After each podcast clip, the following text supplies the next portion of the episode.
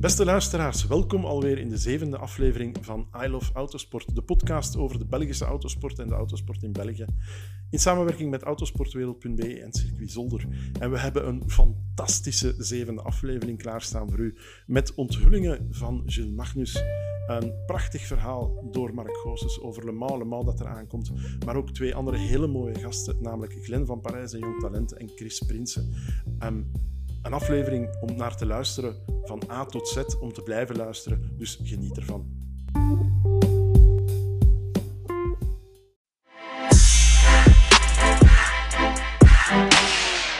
Gilles, welkom. Merci. Uh, jij was het uh, afgelopen weekend was jij nog op een ander circuit, op de Nürburgring. En ik denk dat we met de deur in huis kunnen vallen. Uh, wat daar gebeurd is, onuitgegeven bijna voor de autosport op dat niveau. Even samenvatten. Uh, de WTCR-jongens reden samen uh, in het raamprogramma van de 24 uur van de Nürburgring op de Grote Noordschleife. Daar wordt op de 25 kilometer lange groene hel gereden. Um, er werd getraind, er werden kwalificaties gereden. Gilles stond op pole, als ik mij niet vergis. Of net tweede, ja, net tweede uh, doet hij teken. Hij stond tweede, maar hij stond op de eerste rij. En dan plots, als een donderslag bij heldere hemel, zaterdagochtend, geen lawaai, geen actie, geen WTCR-wagens. Gilles, kan je ons dat heel even verstaanbaar uitleggen? Wat is daar op die Noordschleife gebeurd? En nogmaals, het was niet sneeuw, het was niet hagel, dat hebben we allemaal al gezien op de Noordschleife. Dat was het niet. Ja, goedemorgen Joost. Uh, ja, het, had inderdaad een mooi weekend voor ons moeten worden. Uh, voilà, de Noordschleife is, uh, is, is een prachtig circuit, eerst en vooral. Zeker met de TCR-auto is het altijd een, een, een, een, plezier om daar te mogen rijden. Um, en Plus, uh, daarbij komt nog eens dat voor ons met Audi het een weekend had moeten zijn waar we heel veel punten konden pakken. Uh, na een weekend in Po waar we toch wel wat punten hebben laten liggen, ons eerste raceweekend. Um, dus wow, we keken er allemaal heel erg naar uit. En dan na de kwalificatie uh, keken we er alleen nog maar meer naar uit, want we zagen dat we heel veel snelheid hadden. ik miste de pole met 15.000ste van mijn ploegmaat, die ik een, een grote toe heb gegeven. Wat dat zeker helpt op de Noordschleife. Alleen de laatste sector al won hij een seconde op mij. Dus voilà, ik had veel meer potentieel en, en, en, de kans dat ik race 1 op zaterdagochtend won, was heel, heel groot. Um, en dat was toch wel iets wat ik even kon gebruiken. Uh, niet enkel in het kampioenschap, maar ook voor mij als, als, als boost na een, moeilijkere start van het seizoen. Um, dus ja, om dan te horen zaterdagochtend dat de race die doorgaan was, was zeer pijnlijk, was zeer spijtig. Um, vooral de manier dat het verlopen is, is redelijk schandalig in mijn ogen. Voilà, dat durf ik wel zeggen dat het redelijk schandalig was. spijtig genoeg, dus de reden dat de FIA um, heeft aangekondigd dat het uh, afgelast is, is, veiligheid. Is uh, de banden die, die niet veilig genoeg zouden zijn om op de Noordschleife te rijden. Um, het was een feit dat er problemen waren met de banden. Um, maar nu, het probleem met de banden was niet dat ze ontploften tegen 200 per uur. Het, probleem was eigenlijk gewoon dat ze, dat ze grip verloren en dat ze stilletjes aan uh, stuk gingen. de rubber kwam er gewoon af. Dus het was in mijn ogen niet gevaarlijk. er was ook een oplossing voor, voor heel de situatie de teams die daar hier last van hebben, waar wij niet onder vielen, um, hadden gewoon hun auto kunnen aanpassen um, om minder agressief op die voorbanden te zijn. Dan zou dat probleem er niet meer zijn geweest. Maar die wouden natuurlijk liever, liever competitief blijven en, uh, of, of, of het liever het evenement boycotten dan uh, met een niet-competitieve auto aan de start komen. Dus uh, dat is ook wat dat ze dan gedaan hebben. Ze hebben het feit van veiligheid uitgespeeld en ze weten dat dat iets is dat natuurlijk heel gevoelig ligt bij FIA-veiligheid. Ze weten dat dat iets is dat ze kunnen gebruiken als goed argument. En dat hebben ze dan heel goed uitgespeeld, waardoor de FIA heeft gezegd... Uh, zaterdagochtend, voilà, we cancelen beide races. Ik zag de smile op de gezichten bij de jongens van, uh, van Link Co. Wat dat voor mij natuurlijk alleen de frustratie nog, uh, nog groter maakte. Ik ben dan zaterdag direct naar huis gereden. Ik heb iedereen van het team bedankt en ben naar huis gereden met de grootste frustratie dat ik in... Uh, allee, een, van de, een van de meest frustrerende momenten in, in mijn autosportcarrière, denk ik. Ja, dat klinkt inderdaad als politiek nu dat weet jij ondertussen ook, je bent jong, uh, maar je weet dat politiek deel uitmaakt van autosport. Dat is niet fijn. Uh, we gaan daar niet verder op ingaan, maar dit kan voor WTCR verstrekkende, vergaande gevolgen hebben. Uh, omdat zo'n dingen natuurlijk niet positief zijn naar de buitenwereld. Dus de pers schrijft daarover, jij komt daarover vertellen. Uh, het is niet zo dat je die zaken nog geheim kan houden. Hè. Bedoel, dat, dat, dat werkt in deze wereld niet meer. Nu, ja, jij bent aan het werken in die tourwagens. Dat is niet leuk wat er gebeurd is wat is de volgende wedstrijd? En, en hoe denk je dat je mentaal, hè, want hoe ga je die klik zetten voor, voor die volgende wedstrijd, om, daar, uh, ja, om dat achter je te laten? Ja, ja dus zoals je zegt, het is, uh, het, is, het, is, is slecht voor de sport, het is slecht voor het kampioenschap. En uh, ik weet niet wat voor gevolgen het zal hebben, want ik heb nog steeds niemand gehoord bij Audi en ComTU. Um, ik ga, ik ga normaal gezien na deze podcast ga ik een telefoontje plegen. Dan ga ik meer weten, maar op een gegeven moment waren er toch, werden er grote woorden gebruikt dat ze zich zouden terugtrekken van het kampioenschap. Oké, dat is in de heat of the moment uiteraard. Ehm, maar, maar dit, dit, kan zeker serieuze gevolgen hebben, want, want het is niet de eerste zeg maar, slechte beslissing van het kampioenschap uit. Um, en ze zijn het stevig aan het, aan het kapotmaken, het kampioenschap. Dus het kan serieuze gevolgen hebben. Maar ik verwacht toch gewoon op de start te komen in mijn volgende race, binnen twee weken in Budapest. Um, voilà, dat is nu gebeurd dit. Uh, dat, dat, moet je natuurlijk achter laten. We zullen nu zien wat er gebeurt. Krijgen we die compensation weight van de goede kwalificatie toch, want we stonden 1 en 2. Of krijgen we die niet? ik weet het allemaal nog niet momenteel, dus dat zal heel veel invloed hebben, die 40 kilo extra of, of niet.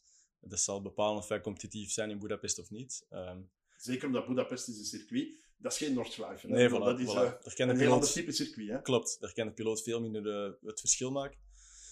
Dus het zal veel daarvan afhangen. Maar bon, ik, ik ga altijd met dezelfde mindset naar, uh, naar, naar elke race. En dat is het beste ervan maken en, en, en proberen snelste Audi te zijn. Ik heb heel sterke ploegmaten, nogmaals. Ehm, Zeker uh, Berton, die, uh, die, die, die, die toch echt wel op zijn, op zijn toppunt zit, zeg maar. Uh, die is ook 32 ongeveer. Ik denk Benani en Coronel zijn al iets over in toppunt, maar blijven ook nog competitief. Benani heeft bewezen dat hij, dat hij heel snel kan zijn op de nooslijven ook. Um, dus ja, voilà, ik heb altijd als doel als beste Audi uitkomen en, en mij toch kunnen laten zien, desondanks eender welke omstandigheden. Ja, naast dat WTCR-programma met die tourwagens werk je ook een programma in GT-auto's af, ook met Audi, in de, de GT World Sprint. Um, als ik mij dat goed voorstel of goed inbeeld. Um, hoe is het seizoen daar begonnen? Ja, klopt. Dus, um, dus ik heb een redelijk vol programma daardoor. Ik heb bijvoorbeeld nu één week geen race en daarna heb ik vijf raceweekends op een rij, denk ik. Uh, of vier. Um, dat is niet simpel om telkens af te wisselen tussen de TCR en de GT3-auto, uiteraard. Uh, dat zijn twee volledig verschillende auto's. Uh, maar tot hiertoe, het GT-programma is, is, is goed gestart. Um, in Brands Hatch was het iets moeilijker, um, aangezien we het circuit nog, nooit, nog nooit hadden gezien. En Nicola, mijn ploegmaat, is, is, is, is nog onervaren, nog, heeft nog minder ervaring met de GT3 dan mij. Dus, dus voilà, die heeft zeker ook nog veel te leren en ik zelf uiteraard ook. Um, nu, de tweede race in Magny-Cours was goed verlopen. Ik was derde in quali. Um, ik heb de auto als derde terug binnengebracht. We zijn uiteindelijk zesde algemeen geëindigd. Uh, en eerst in de Silver Cup. Dus uh, dat was onze eerste overwinning in die Silver Cup, wat dat toch wel goed deed en, uh, en, iedereen was tevreden. Um, ja, ik, ik, denk dat ik, dat ik zeker tevreden mag zijn over de start in dat kampioenschap ook. er zijn er nog drie die volgen, waarvan ik er maar twee zal kunnen deelnemen. Aangezien er één clash is met WTC. Um, ehm, en voilà, ik ga me er zo goed mogelijk voorbereiden. En, ik, zie het, ik zie het zeker zitten. Het is, het is, het is een auto die, die veel meer plezier geeft dan de TCR-auto, als ik, als ik dat eerlijk mag zeggen. Um, qua pilotage. Dus voilà, ik kijk er altijd naar uit, naar die, naar de raceweekends van de GT. Jullie doel in uh, de GT World is dat die Silver Cup, Silver Cup voor de luisteraars, is eigenlijk een categorie waar heel veel jonge piloten in uitkomen. Het kan wel eens een iets oudere zijn, omdat je met die klassificatie zit van zilver, in dat brons, zilver, gold, platinum gebeuren. Maar heel veel jonge piloten, jonge uh, drivers, duo's zitten er eigenlijk in. Is dat jullie doel? Of het doel van, van, van jouw uh, ja, van jouw collega eigenlijk, uh, Nicola Baert. Want jij kan niet alle wedstrijden rijden, maar om daar de titel te behalen, is dat de ambitie? dat is zeker de ambitie, maar ik denk dat het niveau toch heel hoog ligt. En, um, en dat we op bepaalde gebieden, allez, dat, dat Nicola zeker te weinig mileage heeft, heeft om, om daarvoor te strijden, denk ik eerlijk gezegd. Um, voilà, hij leert heel snel bij. ik leer zelf ook heel snel bij maar ik denk toch dat dat nog niet voor dit jaar zal zijn. Maar we gaan er sowieso voor strijden. We hebben al onze eerste overwinning in de Silver Cup gehaald. Uh, en we zullen zeker nog vechten voor, voor meerdere overwinningen, maar we zullen zien of dat, dat genoeg zal zijn om, uh, om in het kampioenschap uh, vooraan te staan.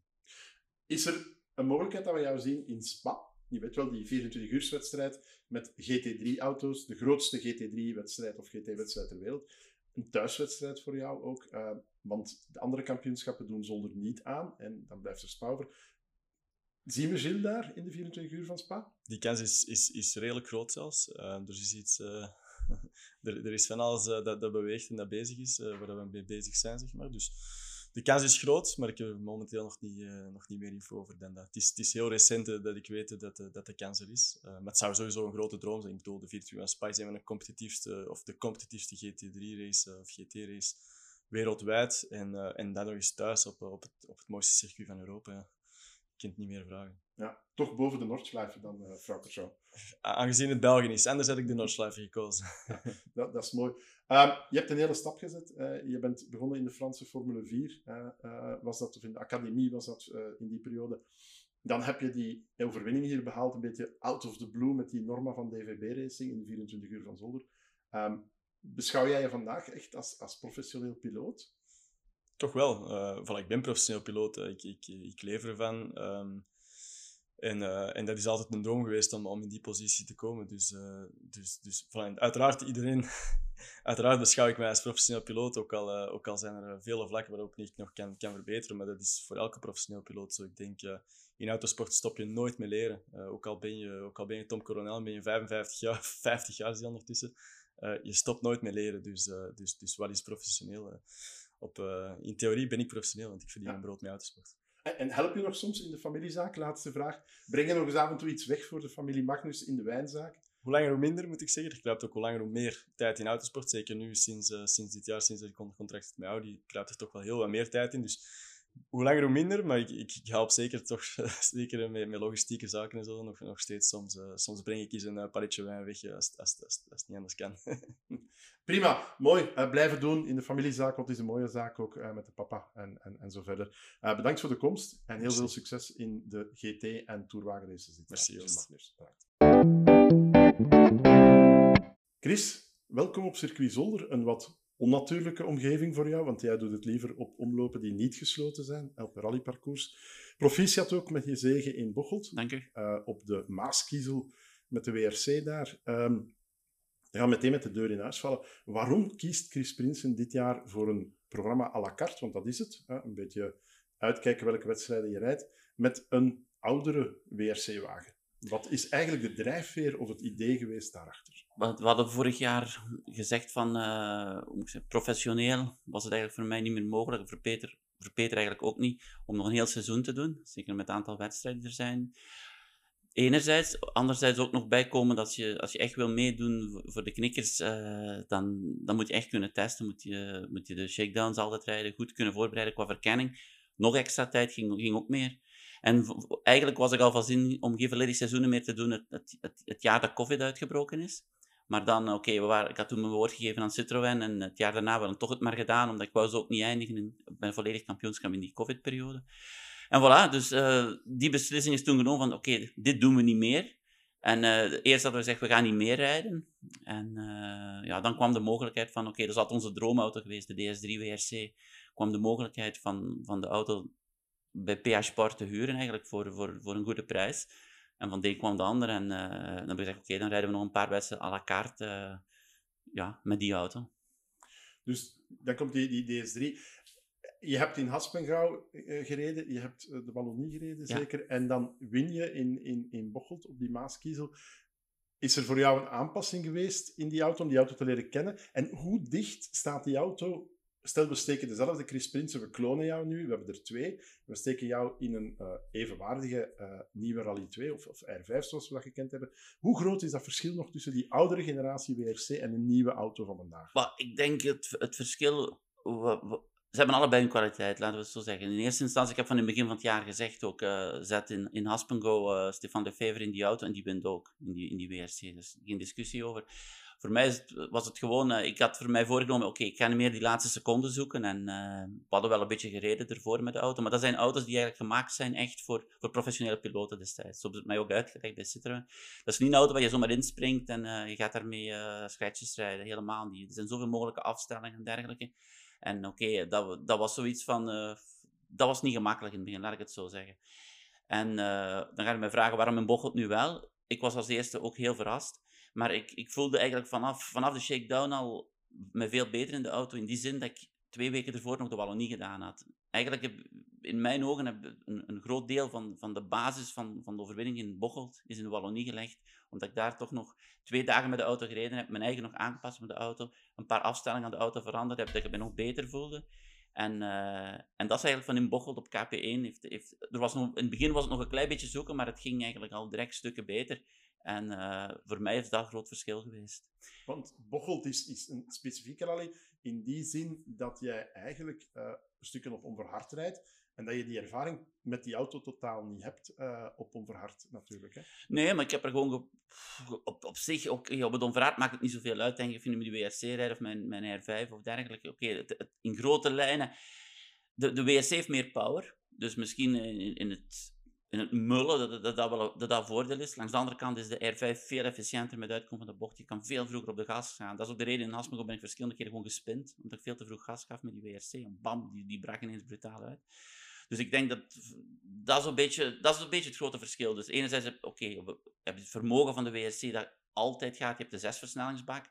Maar het is allemaal een beetje minder efficiënt. Het is een auto die, die van, de onze is van 2015, dus die zeven jaar oud is ik kan niet zeggen dat er wat slijt op zit, maar oké, ondertussen is het allemaal fel geëvolueerd. Als je de eerste R5 vergelijkt met de, met de R5's van nu, dat is ook uh, niet meer te vergelijken. Dat is dag en nacht. Hè? Dat is echt letterlijk dag en nacht. En, uh, maar bon, uh, qua rijplezier is het, is, het, is het ook dag en nacht, laat ik het zo zeggen.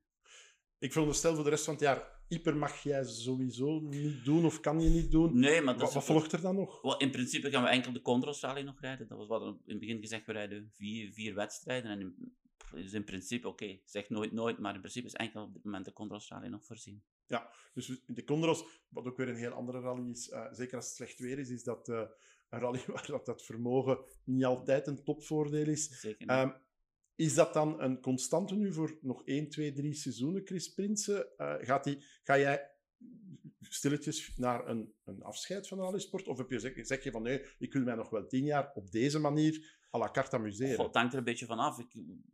Hoe moet ik zeggen? Dit, dit, ik zeg het, dit jaar had ik normaal niet meer gereden als ik niet de mogelijkheid voordeed van, van, van met die WRC te rijden.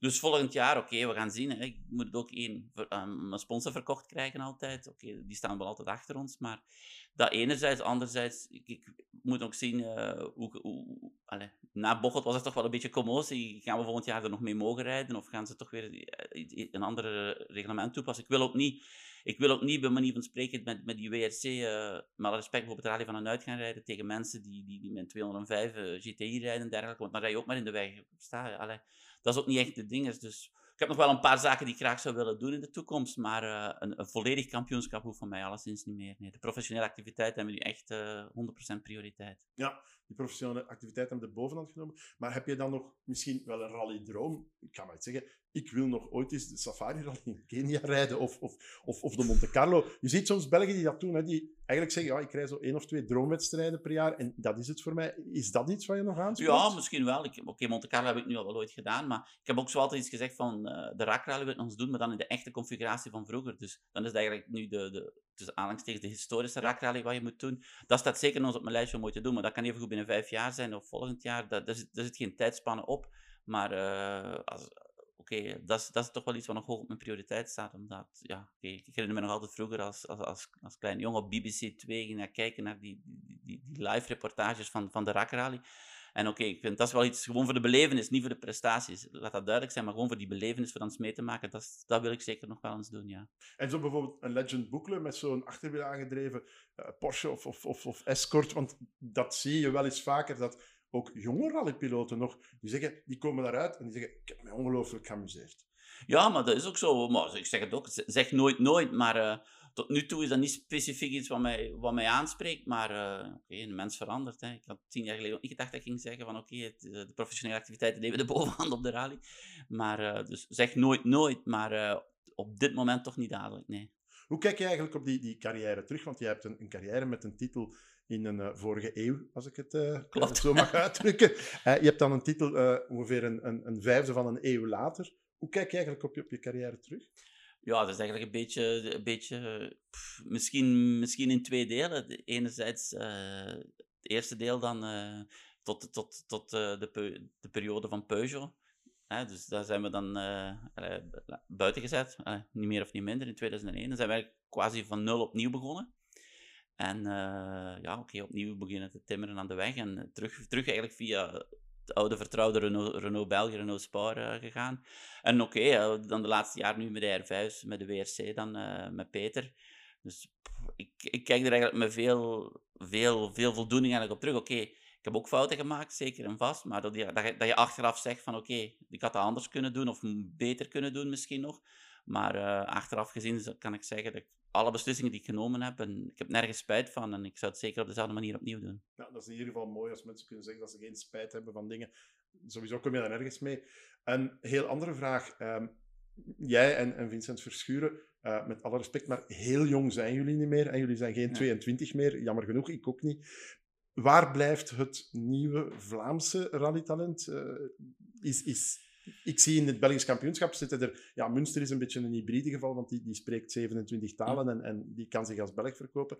Maar de rest zijn Franstaligen. Uh, zit er nog ergens Vlaams talent aan te komen uh, op dat niveau? Ik hoop het alleszins, want ik heb me die vraag ook al wel een beetje gesteld. Maar uh, het grote probleem, het is, het is vroeger niet anders geweest, maar dat, zijn en blijven de budgetten. Ik, heb, ik weet, een paar jaar geleden sprak ik met, met Alain Georges van, bij DG Sport. Toen, toen, de, toen de 200 AGR2's nog reed, dat werd dan gezegd, oké, dat is de formule voor jongeren. Ja, dan spreek je, oké, als je zes wedstrijden wil doen, wat budget heb je nodig? Dan spreken ze direct over 100.000 euro of 120.000 euro. Welke jongeren heeft dat? Welke, wie, kan, wie kan op 18 of 19 jaar leeftijd, als je eigenlijk in die categorie moet kunnen rijden, 100.000 euro spenderen? Dat zijn, dat zijn, met alle respect, maar dat zijn de zonen van, van, van, van papa's die, die bedrijven hebben, die kunnen spenderen. Daar, daar kunnen er ongetwijfeld heel goede talenten tussen zitten, maar, daar, maar ik denk dat er heel veel door de mazen van het net glippen. Ook, ook het, die junior kampioenschap en dergelijke, dat is allemaal heel mooi, maar er zou ergens een springplank moeten toch zijn, nog dat je zegt van oké, iemand, een jonge piloot wint de junior kampioenschap, is die nu 18 jaar of is die nu 25 jaar, je zet er een limiet bijvoorbeeld van 25 op, maar die het jaar daarachter een stuur krijgt. Zoals we in Frankrijk gezien met die, de, Twingo Cup, wie de Twingo Cup won, uh, die kreeg dan een seizoen Twingo R2. En oké, dat, is een, dat, is een, dat is een springplank. Maar op het einde van het jaar zeggen, oké, ik snap dat niet gemakkelijk maar op het einde van het jaar zeggen wie een cup wint. Ik weet niet hoe het nu zit, hè. ik spreek misschien mijn eigen tegen, maar je krijgt uh, iedere wedstrijd vier banden of je krijgt een, ik weet niet wat inschrijvingen gratis. Dat is geen springplank. Dat, dat helpt u natuurlijk in budget, maar dat helpt u niet voor een stap hoger te gaan in het, het jaar erachter. En ik denk dat dat dikwijls wel een beetje een rem is. En oké, dat is altijd die vicieuze cirkel van autosport kost heel veel geld en uh, ja, daar moet je geluk hebben. Denk dat we daarmee kunnen afronden. Uh, Chris, nog veel plezier dit jaar dan in de Condros. Dank als je nog eens rijdt, dan laat je het maar weten. Uh, de supporters en de toeschouwers gaan dat zeker graag zien. En bedankt voor de komst trouwens. Met veel plezier. En tot de volgende keer. Dank. Dank u. Glenn, welkom in de podcast I Love Autosport. Je bent een van deze jonge talenten in uh, Vlaanderen en in België. Um, actief dit jaar voornamelijk in de Porsche Carrera Cup uh, Benelux. Dat is denk ik de bekendste en ja, toch meest prestigieuze merkencup en competitie voor de Benelux. Jullie hebben net een eerste weekend achter de rug op Spa-Francorchamps in het kader van het FIA WEC. En jullie komen het weekend van 11 juni, als ik mij niet vergis, komen jullie naar Circuit Zolder voor de Superprix voor een tweede meeting met opnieuw twee sprintwedstrijden van 30 minuten. Want dat is wat de Porsche Carrera Cup um, is eigenlijk een sprintkampioenschap. Jij bent goed gestart in Spa. Even terug naar dat weekend. Um, maar je hebt je, standen, je tanden uh, stuk gebeten op één iemand, een, uh, een Engelsman. Vertel eens, hoe was dat weekend in Spa? Uh, ja, geen slechte opener, denk ik, voor ons. We hebben twee podiums gehaald, twee keer een P2. Um, best of the rest. Zo noemt je eigen niet zo graag natuurlijk. Beste van de Benelux, dat klinkt al iets beter. Er is één Brit bijgekomen die, ja, laat ons stellen, het, het gaspedaal wel weet staan. En ja, het mooie aan de competitie is dat als het goed is, we allemaal gelijke auto's hebben. Dus daar moeten we het al niet in gaan zoeken. Het is een beetje confronterend als rijder soms. Maar ja, ik denk dat we gewoon werk aan de winkel hebben. Ik denk dat hij Spa beter kent dan Solder. Dus ik denk dat we nu gewoon full focus gaan voor de rest van het seizoen. We gaan niet blijven terugkijken. We hebben goede punten gepakt. En uh, nu gaan we gewoon voor de volgende. We hebben het over Harry King. Uh, misschien toch wel duidelijk voor de luisteraars. Het is niet een jongen die zomaar van ergens komt. Hij is uh, ondersteund door Porsche geweest. Hij is, is, is in Groot-Brittannië Porsche Junior geweest. Niet bij Porsche zelf, maar Porsche uh, Groot-Brittannië of Porsche Engeland of, of, wat het ook mogen zijn. Hij kent de competitie zeer goed. Komt ook uit in de Porsche Supercup. Een competitie toch wel met zeer goede Porsche-rijders allemaal. Maar de combinatie van de Glen van Parijs met een NGT Racing, een team dat echt wel kent, hè, dat die Porsche onder de knie heeft. Jullie kunnen toch niet na Spa zeggen, goh, we gaan voor de tweede plaats rijden. Jullie bedoeling moet toch echt zijn van dat gat met die King kleiner te maken en op een bepaald moment er langs te gaan. Ja, tuurlijk. We kijken niet uh, in de spiegels. We kijken naar één iemand die in Spa toevallig voor ons reed. Uh, en, en die moeten we kloppen. Dus ik denk dat er nu al serieus uh, werk gebeurd is na Spa. in de debrief, maar ook alweer in de voorbereiding naar Zolder. Opnieuw, we kennen het hier. Vorig jaar ging het hier ook heel goed. Ik heb hier al een, aantal keer de 24 uur gereden, dus mijn rondjes heb ik hier wel gedaan. Uh, nu is het gewoon kwestie van ja, de juiste setup en setting te vinden voor, voor die races goed te kunnen aanvatten. Ik denk, ja, quali in een race van een half uur is, is zeer belangrijk daar moeten we om te beginnen al erop zitten. En, uh, en dan gaan we het hem gewoon proberen moeilijk te maken. Er zijn nog andere snelle jongens in het veld. Die rijden ook niet voor een tweede, een derde of een vierde positie. Iedereen uh, mikt op die, op die eerste. En uh, hij heeft nu momenteel het target van achter op zijn rug. En daar gaan we mee aan de slag. Ja, ik denk dat dat absoluut de bedoeling moet zijn. Bovendien, jullie zitten in een veld, jij bent echt niet de enige uh, kandidaat op het podium en op zegens. Um, ik denk dat er een heel goed gestarte Guylain Cordeel was uh, in Spa, die toch wel verrast heeft uh, met de stap die hij gezet heeft. je hebt twee oud-gedienden, Dylan Derdalen en Xavier Maassen. En, mogen we ook zeggen, mooie prestatie ook van Sam de Jonge, die Porsche niet kent en die heel mooi door dat weekend gegroeid is. Hoe zie jij dat als piloot? Iemand die dus echt wel die op een voorzichtige manier die progressie maakt, maar wel in die tweede race toch wel iets mee komen meespelen. Uh, ja, ik denk dat het uh, in Sam's geval vooral uh, inderdaad ervaring met die wagen is. Ervaring op ander vlak heeft hij meer als genoeg. Dus daar maakt hij dan ook natuurlijk wel gebruik van. Ik zie hem wel groeien doorheen het seizoen. Maar dat geldt voor iedereen. Ik heb deze winter ook niet veel in de auto gezeten. Spa was ook weer een eerste keer in de cup setting. Dus voor ons geldt net hetzelfde. Hoe meer rondes, hoe meer je terug in die flow komt. In het ritme van, van wedstrijden komt. Uh, en dan heb je ja, natuurlijk de oude rotten, die uh, misschien een iets moeilijker uh, open, openingsweekend kenden. maar die zullen er straks ook wel, ook wel weer staan. Dus ik denk die eerste reis is altijd even aftasten en voelen. En, en dan beginnen groeien. En degene die het meeste gaat groeien, die, die zullen wel opnieuw op het podium zien. Ja, ik heb de namen genoemd. Daar is ook nog Maxime Soulet bijgekomen. Nog wel een of andere jonge Nederlander zoals Van Eindhoven, die, die, die toch wel een stap mocht zeggen. Als je dat allemaal bekijkt, zit je sportief met een bijzonder kwalitatief veld. Um, dat is bijna een unicum voor, voor België, voor de Benelux, om zo'n hoogstaande competitie op poten te zetten. Um, Genieten jullie daar echt van, zo, van die rivaliteit? Van niet maar met twee of met drie te zijn, maar met zes, zeven, acht personen voor, voor dat podium? Zeker en vast. Ik denk, vorig jaar was het niveau best wel hoog, maar toen waren we met vier, vijf jongens. En ik denk dat we dat dit jaar inderdaad verdubbeld hebben bijna. Dus uh, ja, dat, dat, is zeker en vast genieten. Je hebt, je meer mensen om je tegenover te bewijzen. En, en opnieuw, het materiaal is hetzelfde. Dus als jij het beste doet, mogen wij je echt wel de beste noemen. En uh, dat, dat vind ik zo mooi aan de, aan de Cup die wij doen. En uh, ja, ik denk als, ook als we kijken opnieuw even naar Spa, daar reden we samen met de Franse en de Duitse Cup. Vroeger waren wij als Benelux nog in de Sprint Challenge 2017-18 een beetje het, buitenbeentje, zeg maar. En, en lag het niveau beduidend lager, ook als we samen reden met die jongens in dezelfde race. Als we dan nu kijken naar Spa, zowel in quali als race uh, moet de Benelux Cup echt niet meer onderdoen. Dus dat zegt ook veel over het niveau. Ja, ja dat, hebben we, hebben we gezien in Spa. Jullie zijn zeker vergelijkbaar met Frankrijk. Uh, Duitsland is misschien iets nog richting die, die, die Supercup, maar het is een heel homogeen veld geworden. Hè. Jullie moeten voor elkaar niet veronder doen. Ook de organisatie, ik denk dat we dat toch mogen benadrukken. De organisatie achter die Porsche Carrera Cup Benelux is een privébedrijf, waar dat in, vele andere landen Porsche zelf eigenlijk is. Daar is toch wel mooi werk verricht en jij zit er al vrij lang in. Hè. Ondanks jouw jonge leeftijd race je al lang met die Porsche. Um, zie je dat nog groeien?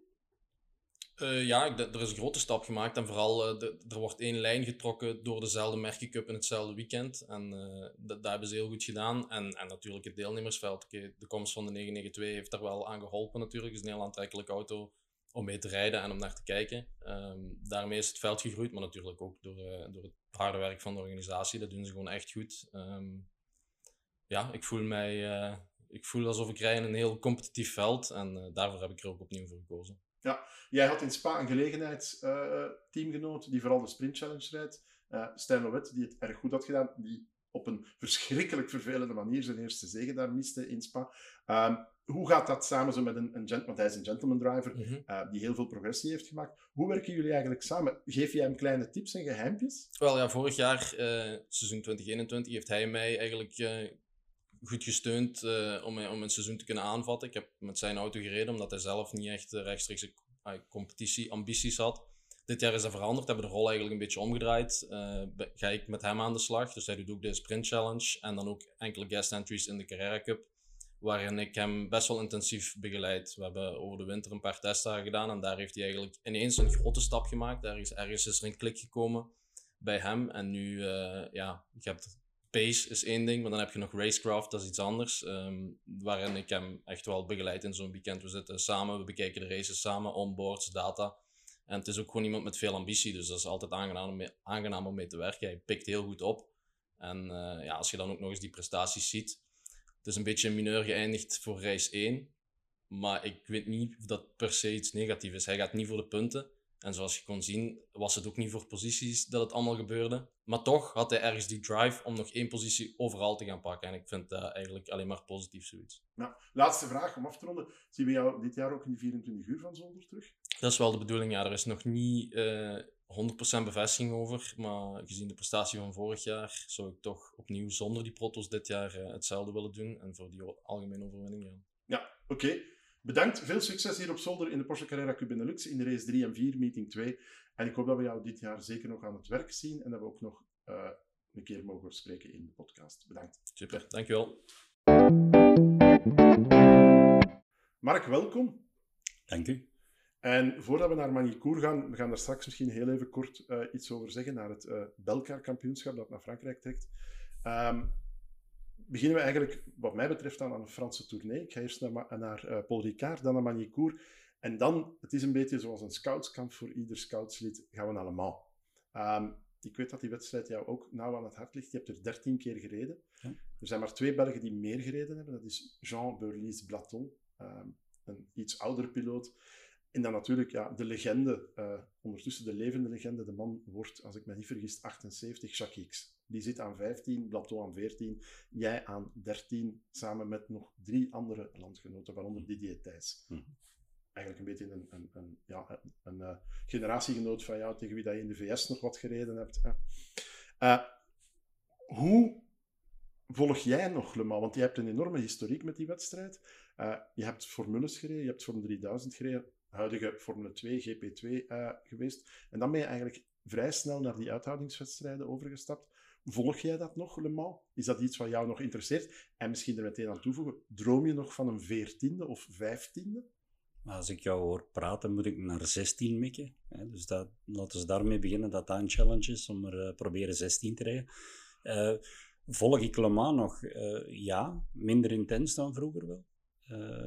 Enfin, minder intens in die zin dat als je weet dat je minder in aanmerking komt om zelf een zitje te hebben, dan ben je er ook niet naar op zoek. Dan, dan verlies je toch een klein beetje dat contact eh, met de paddock.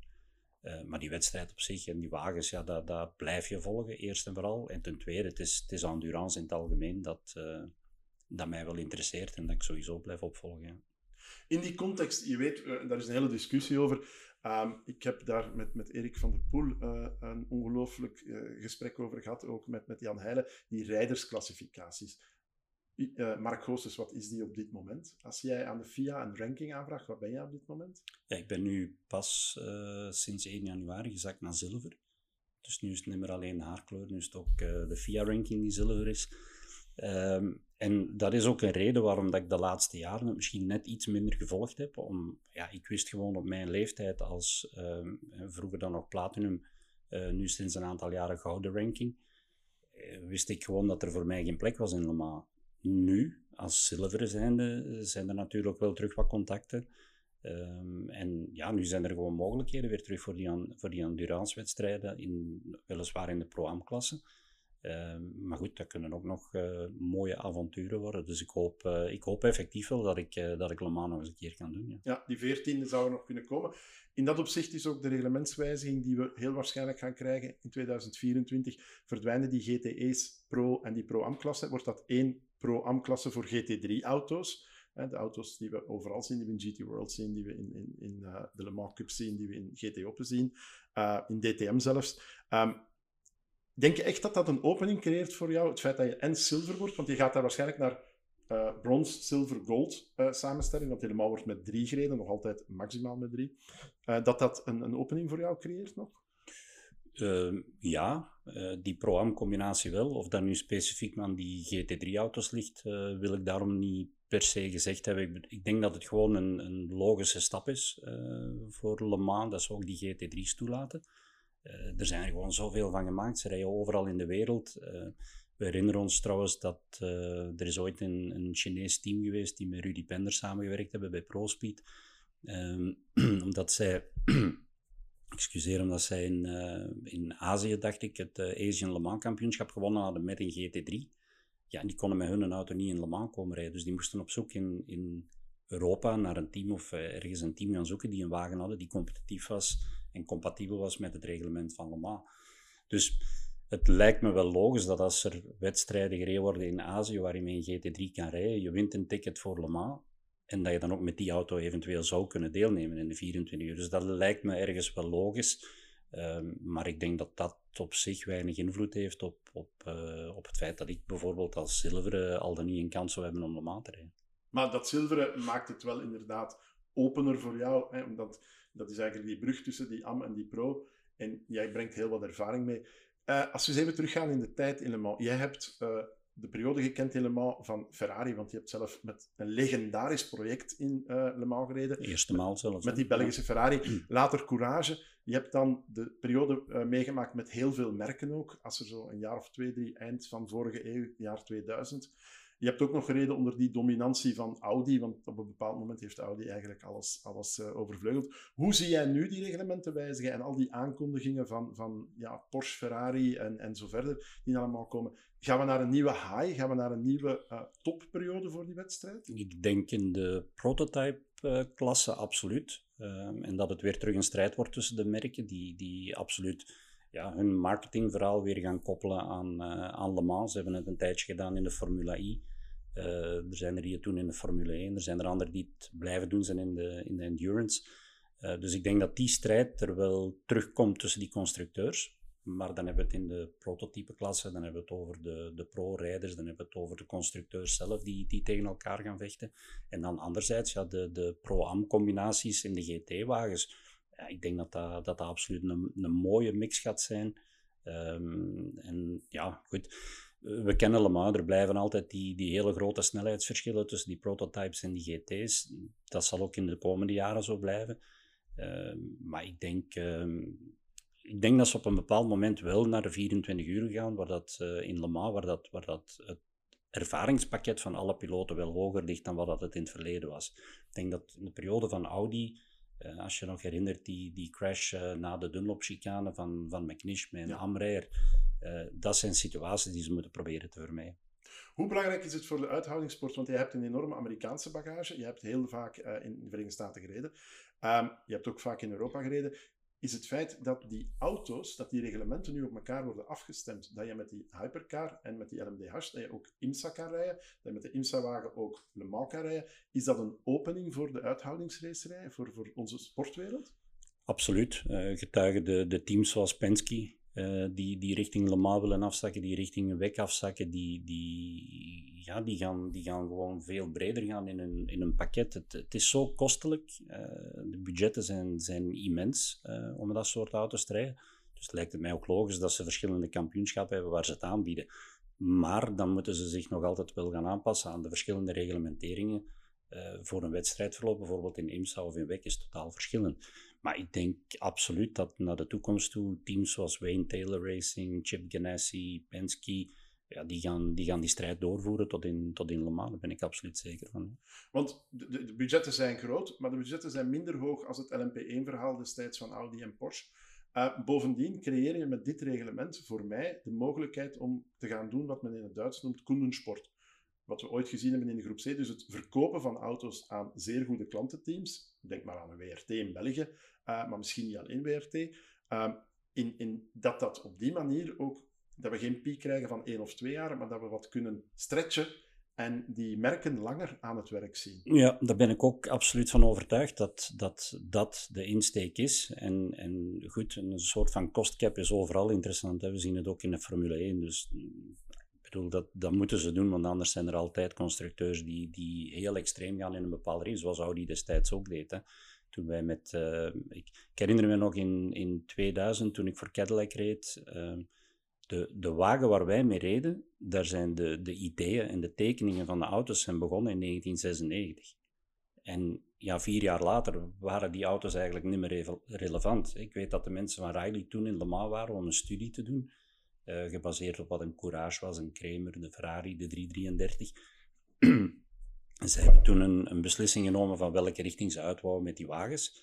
Ja, en tegen dat ze er kwamen in, uh, in Le Mans stond er in één keer Audi met, ik weet niet meer welk budget het was, maar, maar het ging over gigantisch veel geld. Ja, en die hebben dan ook zoveel jaren aan een stuk alles gedomineerd. Dus ik denk dat ze dat wel gaan proberen te vermijden. Dat ze, dat ze er alles aan zullen doen dat meerdere merken op een bepaald niveau kunnen komen, waaronder ook bijvoorbeeld Glickenhaus, uh, dat die ook mee kunnen. Want ja, als ze morgen in de, in de Volkswagen groep of ergens de, de kraan helemaal gaan opendraaien, dan, uh, dan zijn er budgetten ter beschikking die, die niet haalbaar zijn voor dat soort merken. Ja, dat is altijd een nadeel van constructeurs. Um, even terug naar die start van jou helemaal. Um, dat was met een Ferrari. Dat is op zich al heel bijzonder. Debuteren in uh, Le Mans niet met een GT-Ferrari, maar een 333 SP. Een open sportwagen. En dan nog een heel bijzonder project.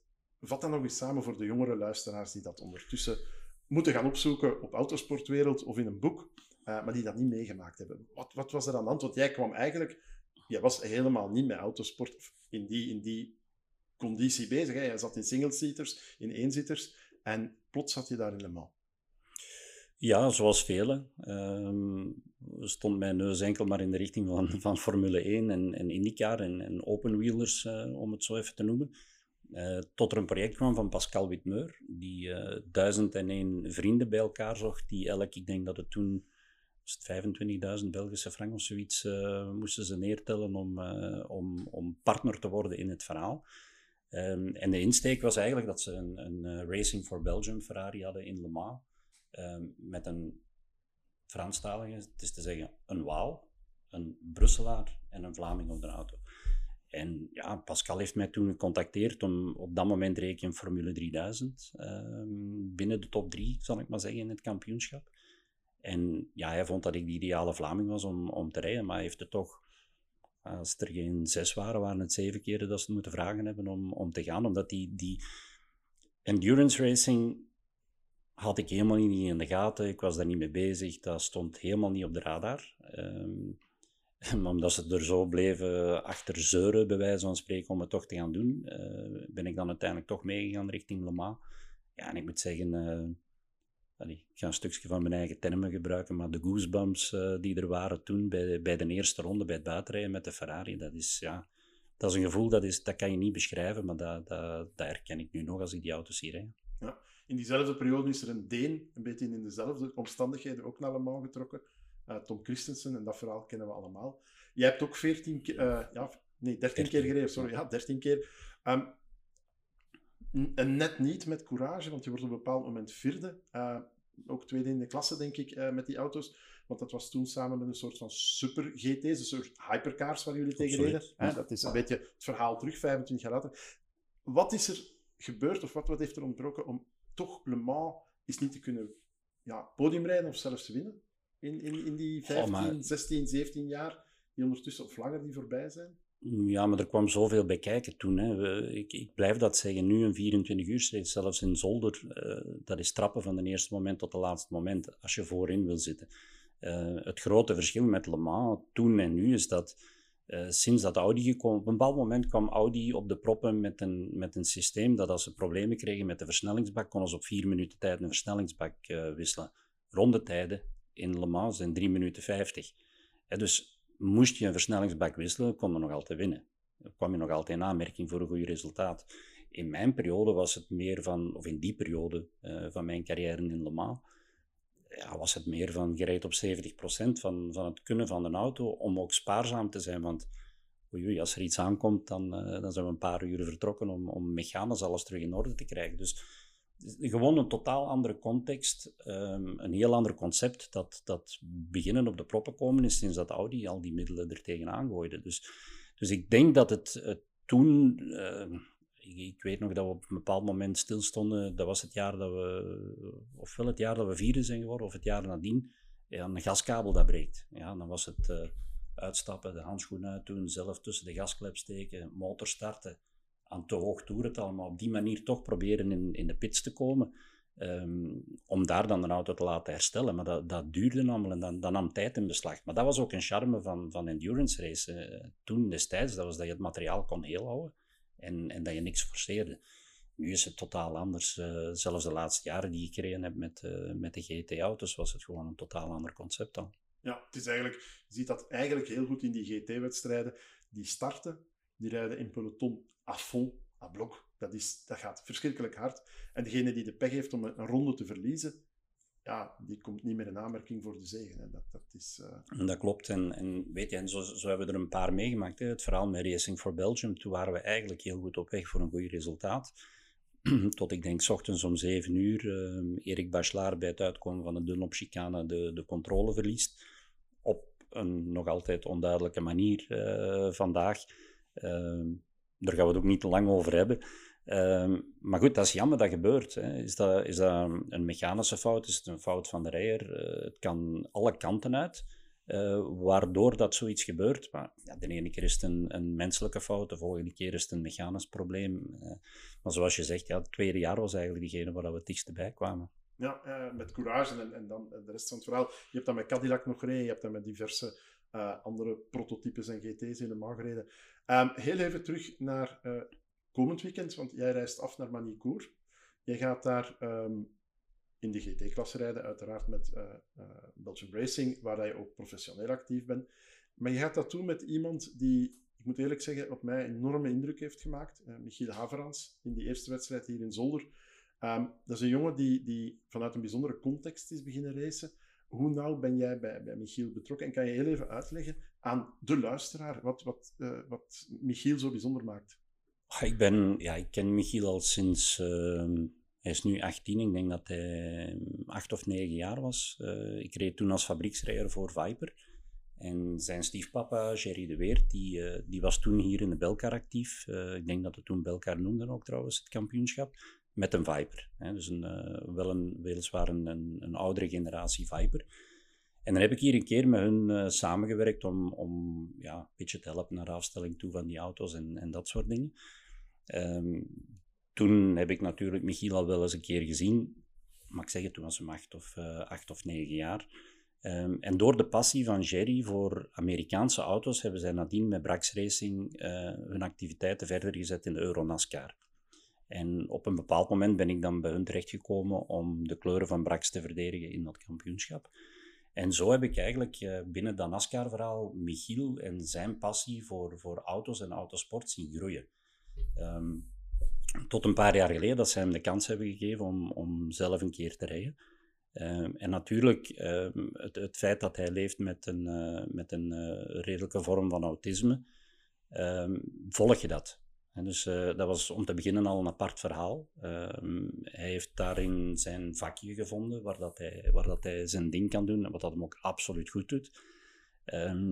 en door hem te zien rijden, onder andere in de Mazda MX-5 bijvoorbeeld, kan je daarmee de wereld op zijn kop zetten? Nee, absoluut niet. Maar als kenner of als, als uh, scoutend oog, zal ik maar zeggen, zag ik toen wel dat Michiel kwaliteiten had. En Jerry is eigenlijk op een bepaald moment, uh, ik denk vorig jaar, bij ons gekomen dat we toen een BMW M2 CS hadden. hebben we Michiel twee of drie keer getest met de BMW. En ik moet zeggen, ja, um, om te beginnen reed hij al goed van, van bij zijn eerste rondjes. Um, elke keer als we probeerden van hem een beetje bij te schaven, dan, dan voel je ook dat hij, dat hij open stond. Um, enerzijds ook omdat hij natuurlijk mij kent, omdat er het vertrouwen was tussen ons twee. Uh, daarbovenop dat hij opkijkt naar de dingen die ik gedaan heb en, en de dag van vandaag nog doe. En je voelde dat hij 100% accepteerde wat ik hem zei. Moest ik gezegd hebben, uh, Michiel, de Villeneuve-chicane is in vijfde vol gas, bij wijze van spreken, dan denk ik dat hij het gedaan zou hebben. Uh, dat is om het heel simplistisch uit te leggen. We zijn met hem beginnen werken. We hebben een, een geweldige progressie gemaakt uh, tijdens die trainingsdagen. Um, waar dat er dan even gedacht was aan, misschien moeten we Michiel eens een keer in de competitie zetten in die BMW. Maar waar dat we in samenspraak met, met Jerry en, en met Inge, zijn mama, um, op dat moment eigenlijk besloten hebben van, hij is beter dan wat dat hij had kunnen laten zien met de BMW M2. En dat is het moment dat wij eigenlijk beginnen denken zijn aan Porsche. Um, veel mensen zouden gedacht hebben van, oei, is dat niet wat te hoog gegrepen? Nee, um, omdat hij die kwaliteiten ook heeft. En zo hebben we hem dan voor dit jaar eigenlijk in een, uh, in een 991 GT3 Cup gezet voor, voor het Belkar kampioenschap. Ja, ja, en ik denk dat het ook heel mooi is. Uh, ik heb daar straks in ons voorgesprek even verwezen naar Taboe van uh, Philip Geubels. Maar ook op deze manier laten zien aan de wereld dat mensen met een, in het Frans zeggen ze een trouble, hè, want dat is geen handicap, het is ja, iets wat daar wat anders maakt dan andere mensen, maar waarmee die mensen ook heel mooie dingen kunnen bereiken in hun leven ik denk dat dat ook heel belangrijk is, uh, dat we die openheid in de sport ook tonen aan die mensen toe. Ik ben, ik ben er 100% uh, mee eens. Hè. Het, is, het is een beperking, het is geen handicap, absoluut niet. En ik denk dat Michiel, met hetgeen dat hij nu doet ehm, en de manier waarop we met hem kunnen werken, dat wij er absoluut kunnen voor zorgen dat hij straks, en wanneer straks is, daar ga ik mij nu nog niet over uitspreken, want tot hiertoe gaat ook alles goed. Hè. We gaan ook momenten tegenkomen dat iets wat minder goed gaat. Dan moeten we er ook staan voor hem. Um, maar ik denk dat uh, Michiel binnen afzienbare tijd echt een, een, een voorbeeldfunctie kan gaan hebben. Een, een, voorbeeld kan zijn voor heel veel anderen die ook in datzelfde vakje zitten. Ja, heel mooi. Uh, ik denk dat we hier kunnen afronden ongeveer. Um, Manicourt, dan Le Mans.